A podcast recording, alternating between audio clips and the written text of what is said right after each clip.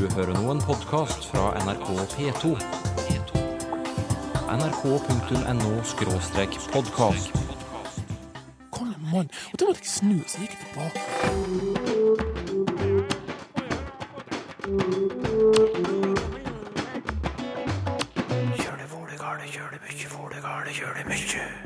Dativ. Et kasus på sotteseng. Dativen begynte nemlig å bli borte fra det norske språket rundt 1350. Så den har holdt på å dø lenge. Men vi kan jo ha det gøy med de restene som er igjen. Ja, for det her er jo veldig mye som er morsomt med dette. Og fra kasus til de store spørsmål. Hva kan språkvitenskapen fortelle om arten menneske? Hvis man ser på, på språk, så vil man få et helt unikt bilde på hva, hva det vil si å være menneske, siden det er den egenskapen som skiller oss fra, fra andre dyr. Tredobbelt. eh, Hvor mye er egentlig det, Sylfus Lomheim?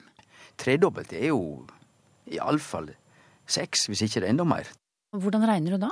Tre ganger tre eller tre ganger to eller hva med nå. Eh, Stopp, stopp, stopp, ikke så fort. Vi har jo dobbel, og det ordet i seg sjøl betyr to. Jo, jo, men altså Og trippel er Begge disse to er fra latin.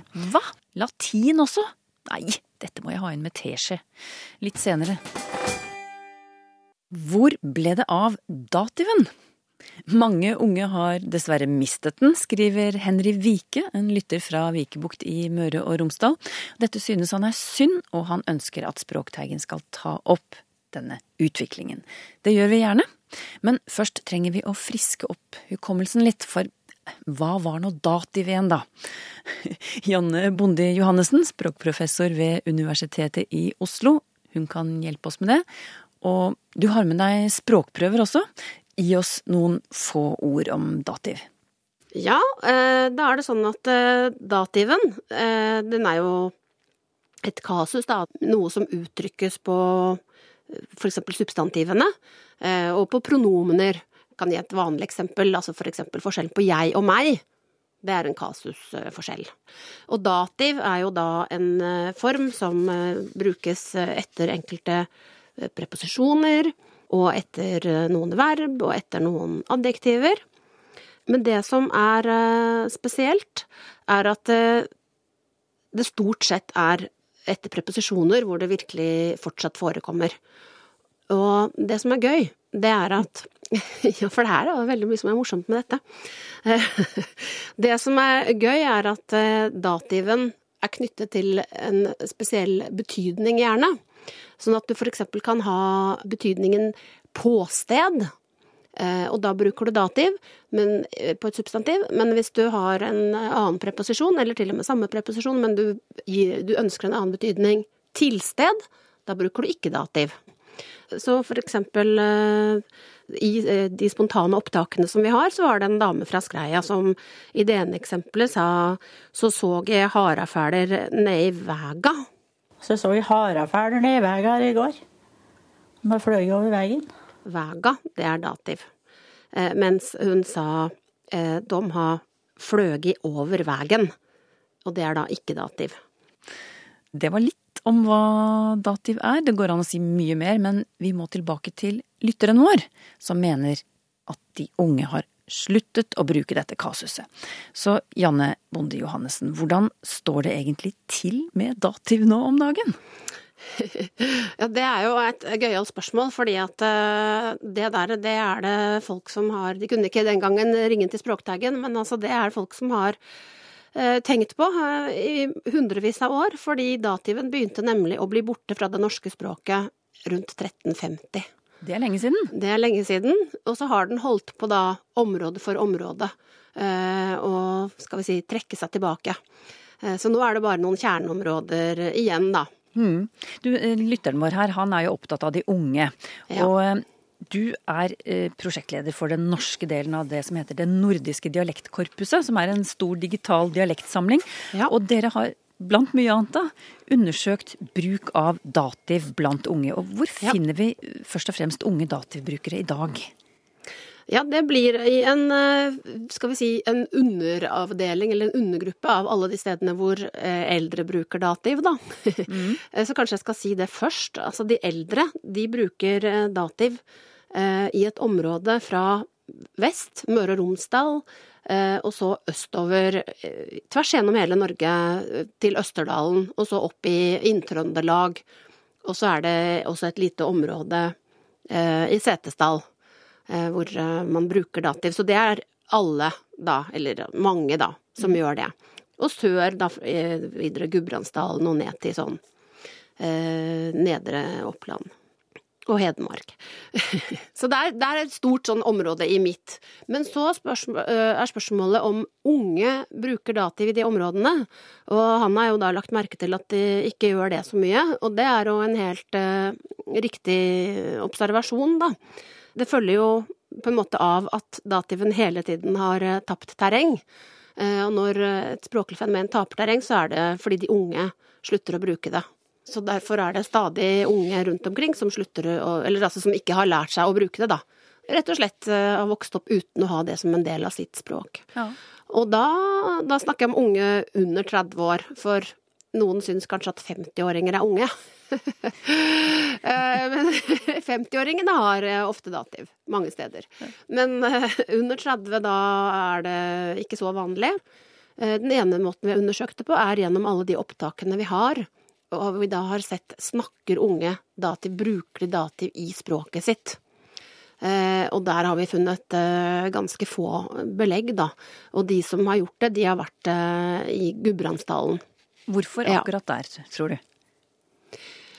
Dette med språk, det henger veldig nøye sammen med holdning til egen identitet osv. Det er veldig moderne å tenke på den måten nå for tiden.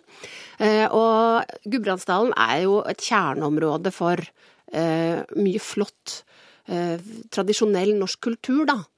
Håndverk, eh, treskjæring, broderi og musikk av mange slag. Eh, Og derfor så tenker jeg at eh, språket er en del av det. At man bruker eh, språket på den tradisjonelle måten, det er eh, noe som kjennetegner en, og som hører med. Mm. Ja. I hvilke språklige sammenhenger bruker de unge dativ? Altså, de unge, eh, de bruker jo mest dativ etter preposisjoner. Og det er noe som da holder seg lengst i denne språkutviklingen, hvor dativen blir borte hele tiden. Så blir den ikke bare borte område for område, men den blir også borte eh, språklig sammenheng for språklig sammenheng. Og etter preposisjoner, det er jo da det holder seg lengst, så det vil vi jo typisk si at der hvor de unge bruker dativ, så er det ved preposisjon, da. Men du, disse unge vennene dine i Gudbrandsdalen som fremdeles eh, bruker dativ da, overfører de det til nye ord også, som foreldregenerasjonen deres kanskje ikke brukte, eller hvordan er det?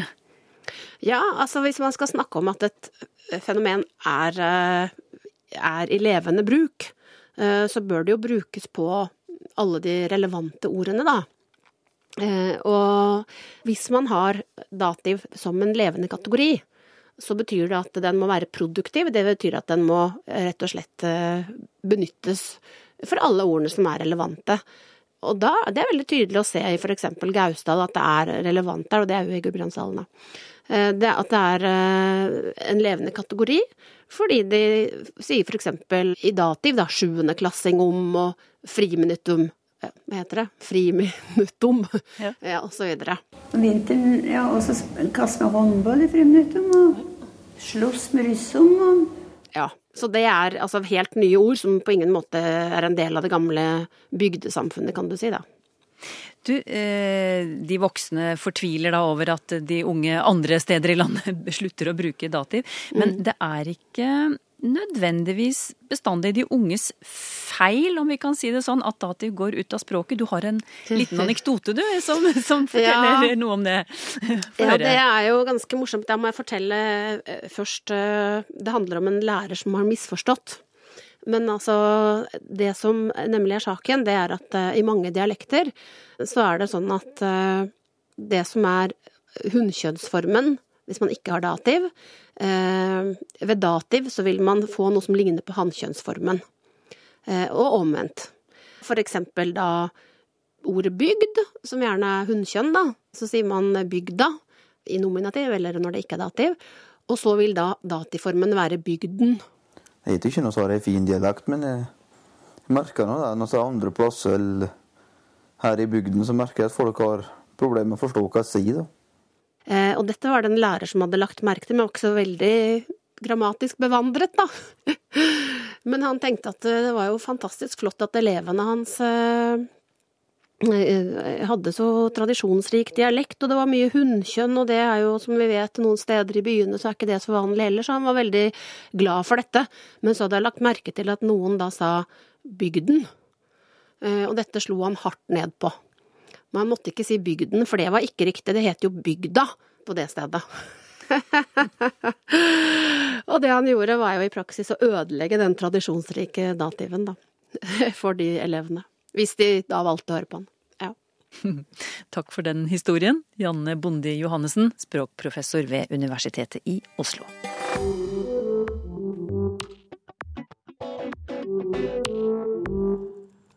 Kassering. En gang til. Kassering. Ja, det er et av de mange nygamle ordene som språkforsker Tor Erik Gjenstad ved NTNU samler på. Og med nygammelt ord mener han et uttrykk som har gått ut av språket, selv om det ikke er så veldig gammelt. Dagens ord er altså kassering. Det var sagt eh, for en del år siden eh, på min opprinnelige heimplass, eh, Sunndalen på Indre Nordmør, om utbetaling av trygder.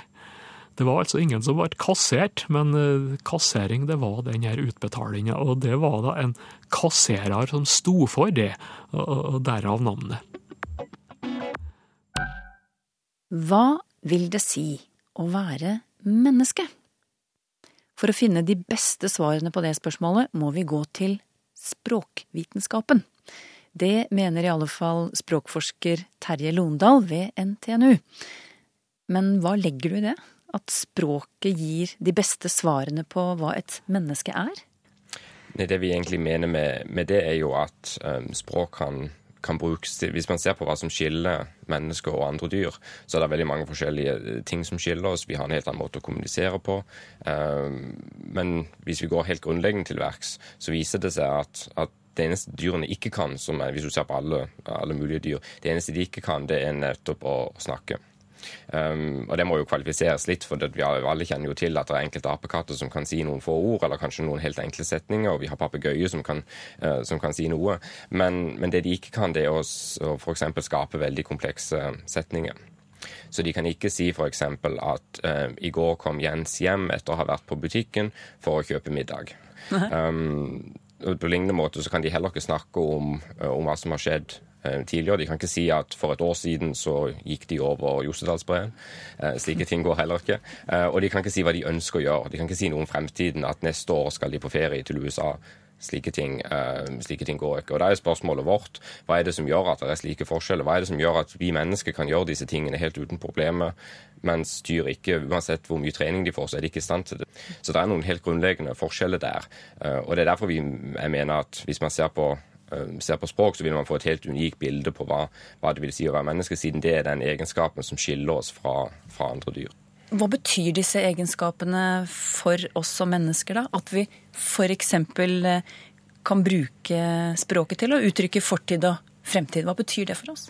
Det gir oss jo et helt unikt grunnlag til å kommunisere på de gjør oss jo i stand til å, å, ha samtaler på et helt annet plan enn noen andre dyr er i stand til. Vi kan ha helt abstrakte samtaler, vi kan snakke om hypotetiske ting. Uh, vi kan skrive eventyr, vi kan skape imaginære verdener uh, som vi da bruker språket til. Um, og det utnytter jo forfattere og andre veldig aktivt når de skriver både middelaldersagaer når de skriver moderne uh, science fiction. Så vi mennesker har den helt unike evnen til å gjøre disse tingene, og det gir oss jo de gir oss noen helt særegne, uh, særegne karakteristikker som vi da utnytter bl.a. I, i, ja, i litteraturen, f.eks. Ja. Men du personlig, hvilken side ved språket synes du har den mest fascinerende fortellingen om mennesket?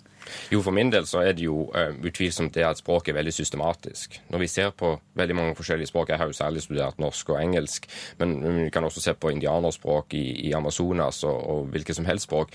Alle sammen er veldig systematisk oppbygd. Det finnes noen grunnleggende regler som, uh, som alle språk bruker, og så er det noen regler som er unike for noen språk. Og Så kan man spørre ja, hva er en regel? Og På norsk så er, kjenner vi alle til en regel som vi bruker helt ubevisst, nemlig at verbet må komme på andreplass i setningen. Um, så det heter 'i dag kom Per', uh, men du kan ikke si 'i dag Per kom'. mens det vil man si på engelsk. Ja. Um, slik at det er en regel i, nor i norsk som sier at, at verbet skal stort sett komme på andreplass uh, i setningen, mens engelsk har en annen og mer komplisert regel for det samme. Så det er et, et eksempel på én regel. Men for min del så er det det, det faktum at det er veldig mange like regler på kryss og tvers av språk. Og det er jo ikke noe man nødvendigvis skulle forvente. Man kunne jo tro at språk, akkurat som kulturer, varierer veldig veldig forskjellig. Eh, men det er en del universelle regler som vi har funnet fram til de siste 60, 60 eh, årene. Og en sånn universell regel som ser ut til å være universell, det er hvordan man stiller ja-nei-spørsmål. Eh, og på norsk så vil man si um, er karet kommet, f.eks. Uh, og i det tilfellet um, så vil verbet komme først i setningen. Sikkert også på engelsk. Uh, is John here vil også ha verbet is til å begynne med. Mm -hmm. Men så er det litt mer Man kunne jo da tenke seg at um, at man har grunnsetningen uh, 'Kari er her'. Og at spørsmålet er 'Kari her' blir skapt bare med at man flytter verbet rundt, uh, rundt subjektfrasen. Um, men det er egentlig ikke så, um, så enkelt. For hvis man ser på litt mer komplekse setninger, så blir bildet plutselig, uh, plutselig mer vanskelig eller mer komplisert. Og et eksempel da er hvis du har setningen um, 'Jenter som har briller, er her'. Og hvis du da skal lage et spørsmål der, så må du jo si 'er jenta som har briller her'? Ja. Så du må likevel ta det samme verbet, selv om du har en veldig kompleks, eh, en veldig kompleks element foran, der, kunne, der det også er et verb 'har'. Men du kan ikke si 'har eh, jenta som briller er her. Det høres jo helt, eh, helt ut som en ordsalat. Eh, så det er helt umulig. Og spørsmålet er hva er det som gjør det umulig? Jo, det viser seg at det er strukturen i setningen som disse reglene refererer til. Det er ikke hva vi ser på overflaten. Eh, og det ser ut til å være det samme i språk etter språk når vi ser på disse, på disse setningene. Hvordan forklarer du det? At mange ulike språk har disse reglene felles? Jo, en, Det er jo flere mulige svar, og lingvister vil gi ulike, ulike, svar her. Men et mulig svar det som, som, jeg kanskje er mest opptatt av, det er jo at det finnes noe med, med vår biologiske utrustning som gjør dette mulig. Det finnes noe som, gjør, som sier at språk må være sånn. Mm. Og For å ta utgangspunktet ditt at språkvitenskapen kan gi gode svar på hva det vil si å være menneske. Dette du har fortalt nå, at mange, mange språk har noen felles regler. Eh, hva forteller det om oss som mennesker? Det vil jo sannsynligvis si at vi faktisk har disse reglene, mens dyr ikke har disse reglene. For de ser ut til å være ganske grunnleggende i menneskelig språk. Så da har vi kommet frem til en mulig forskjell mellom oss og andre dyr. Ja, Så dette kan da dyrene ikke klare. Men hvorfor klarer vi det? Altså hvordan oppsto språket i mennesket? Jo, det er jo det kjempegode og kjempeinteressante spørsmålet som det dessverre er veldig vanskelig å, å svare på. Um, det finnes noen ulike hypoteser, uh, og ofte når man skal da lage hypoteser om dette, så må man jo snakke om hva biolog biologene mener om, om, utvikling og evolusjon mer generelt. For det språk kan jo også ha utviklet seg akkurat som andre kroppsdeler andre organismer har utvikla seg. Og Det er et syn innenfor språkvitenskapen at språk, noen begynte å kommunisere og bruke språk, og så fant de ut at det var en kjempestor fordel, slik at du fikk fordeler ved å ha språk, og dermed så ble, ble det en fordel for det naturlige utvalget å, å videreutvikle seg, og at du da fikk barn som også hadde den samme evnen. Um, og Så kan du forfølge den linjen, og så vil du til slutt komme frem til dagens, eh, dagens språk. Så er, Hypotesen her er altså at det er naturlig utvalg som styrer hvem som har språk. Et annet syn er at um, språk bare plutselig oppsto som en slags mutasjon i, i vår biologiske utrustning. Um, og at på et tidspunkt så var det språk, og rett før så var det ikke språk. Det er klart det gir ingen forklaring på hvorfor det var en slik mutasjon. Men det, en, det, sier, det er en hypotese om at det oppsto veldig brått og veldig plutselig. Og at ikke, for evolusjonen, vil, hvis du har naturlig utvalg, så vil det i mange tilfeller ta tusenvis av år. Mm. Um, så det er disse to hypotesene, og da er spørsmålet vil vi noen gang kunne finne ut av, av hvordan dette, eh, dette, egentlig er. Og, og språkforskeren Noam Chomsky har i det tilfellet introdusert en forskjell mellom det han kaller problemet og mysteriet innenfor alle vitenskaper. Eh, og han sier da at problemet de er til for å løses, de vil vi kanskje kunne løse. Mens mysteriet vil for alltid bli et mysterium. Og det er ikke nødvendigvis en negativ ting at de blir mysteriet. Og dette spørsmålet om hvordan språk oppstår, for det må jo nødvendigvis kanskje ha oppstått i ett individ og så har spredt seg på et vis. Eh, det er nok kanskje et av disse mysteriene som vi aldri nødvendigvis vil få svar på. Ja, kanskje må språkforsker Terje Londal ved NTNU slå seg til ro med at det finnes mysterier, også i vitenskapens verden. Språkteigens lyttere er ivrige og engasjerte, Sylfest Lomheim, er du ikke enig? Det er de, de er så flinke. Ja, du, I forrige sending etterlyste vi informasjon om det som kalles Laila-soverom. Vi slo fast at det er et lite soverom, der dobbeltsengen er klemt mellom veggene ved fotenden og hodeenden, så man må ha to dører, én på hver side av sengen for å komme til opp i sengen. Men hvem var Laila, som ga navn til denne spesielle romløsningen? Og der er det noen som, eh, av lytterne som viser til hebraisk, Sylfest? Ja, og det hebraiske ordet laila betyr natt, så det passer jo Det blir jo rent poetisk. Mm. Men eh, så har vi det andre ordet som mange kjenner, laila, fra samisk. Og der betyr ikke laila natt, men trolig så er det ei omlaging av eila, aila, som kanskje har kommet fra det norske eller skandinaviske helga, som jo betyr den heilage. Så den navnet har da gått fra kanskje skandinavisk til finsk og samisk, og så tilbake til norsk igjen. En liten snue. Og vårt jentenavn Leila er nok fra samisk. De fleste husker kanskje den kjente filmen fra mellomkrigstida som nettopp heter Leila. Ja, for det er eh, en lytter som eh, tror at kanskje det har noe med Lailas soverom å gjøre. Han ser for seg samepiken Laila og, og, og, ja, og, spinner videre på det at det kanskje har noe med dette rommet å gjøre. Sammenligne rommet med en gamme osv. Men verken nattrom fra det hebraiske Laila eller samepiken Laila har eh, noe med dette her å gjøre. Og heller ikke dette forslaget som jeg har foran meg, at Laila kanskje rett og slett er navnet på en Ikea-seng. ja, Det vet jo vi jo ikke, men det har i hvert fall ingenting med Lailas soverom å gjøre. Hvis det skulle være navnet på en Ikea-seng. Men du sitter med løsningen, Sylfest, godt hjulpet av flere lyttere. Ja, for vi kom jo fram til, eh, da vi hadde dette oppe, at eh, dette uttrykket var tatt i bruk i eh, i eh, husbanksammenhenger rundt 1970 og framover. Og så har flere faktisk kommet med løsninger. Laila, hun heter nok Laila Rolfsjord, og hun var sjefarkitekt i Husbanken på 1970-tallet. Og det var hun som var den sentrale personen for å godkjenne de løsningene annet til soverom, som kunne gi grunnlag for lån i Husbanken. Og etter mye tvil så godkjente Leila Rolfsjord denne løsninga, som jo var veldig plasssparende, men ikke veldig komfortabelt, og dermed så ble dette Leila soverom. Du, vi eh, tar med noen flere lytterspørsmål. På Twitter spør Anders FT heter det tredobbelt norsk eller tripp norsk når de tre første på pallen er norske. Tredobbelt for meg blir seks, skriver han. Rett på. Her har han Anders, som ikke bruker etternavn, ett poeng. Vi har lov til å bruke tredobbelt norsk i sportsspråk. Vi kan ikke arrestere journalister for det, men jeg er blant de som mener veldig alvorlig at vi kan halde det ute. Tredobbelt er jo iallfall seks, hvis ikke det er enda mer. Tre ganger tre eller tre ganger to eller hva med nå. Vi har jo dobbel, og det ordet i seg sjøl betyr to. Altså når det er to stykker. Og trippel er Begge disse to er fra latin. Og trippel er, er da når det er tre av et slag. Tre stykker. Og derfor så er det iallfall språklig logisk mye bedre å si at det vart trippelsiger for nordmennene når det er tre stykker på pallen.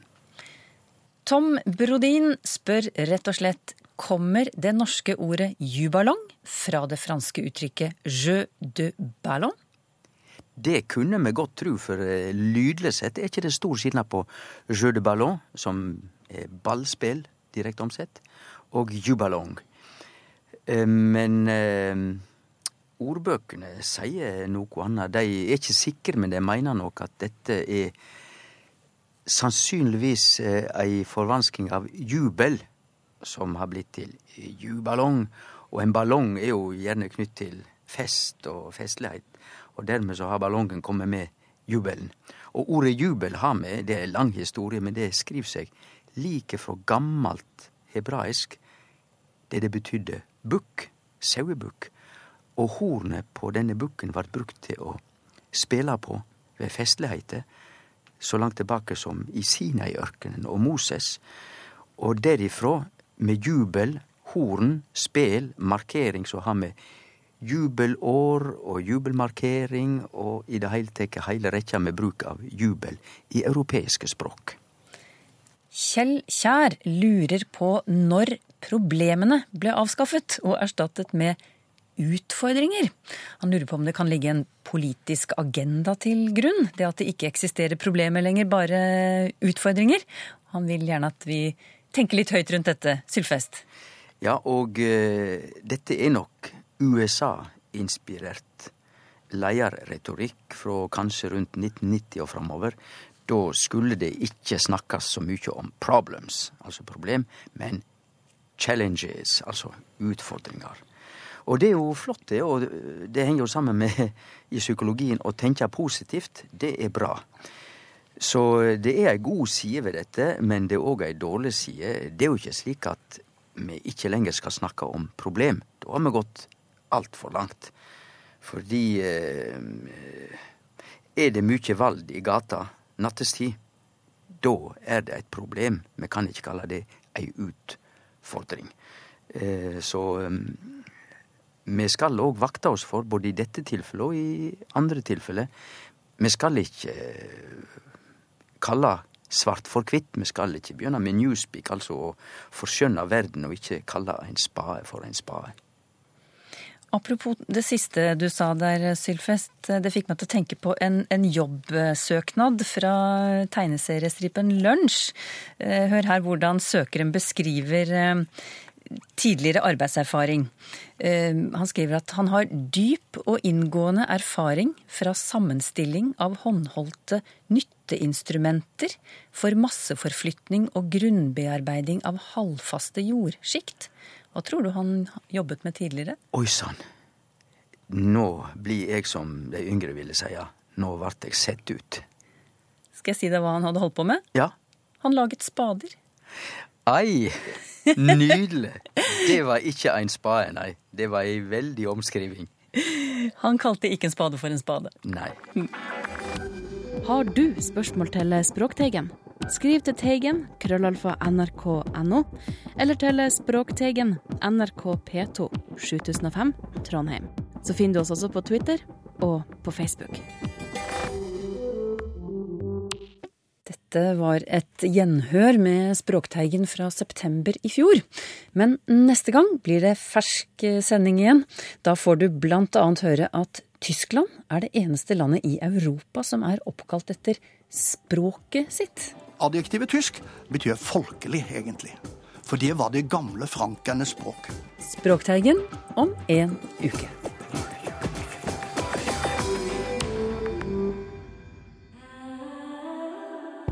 nrk.no podkast.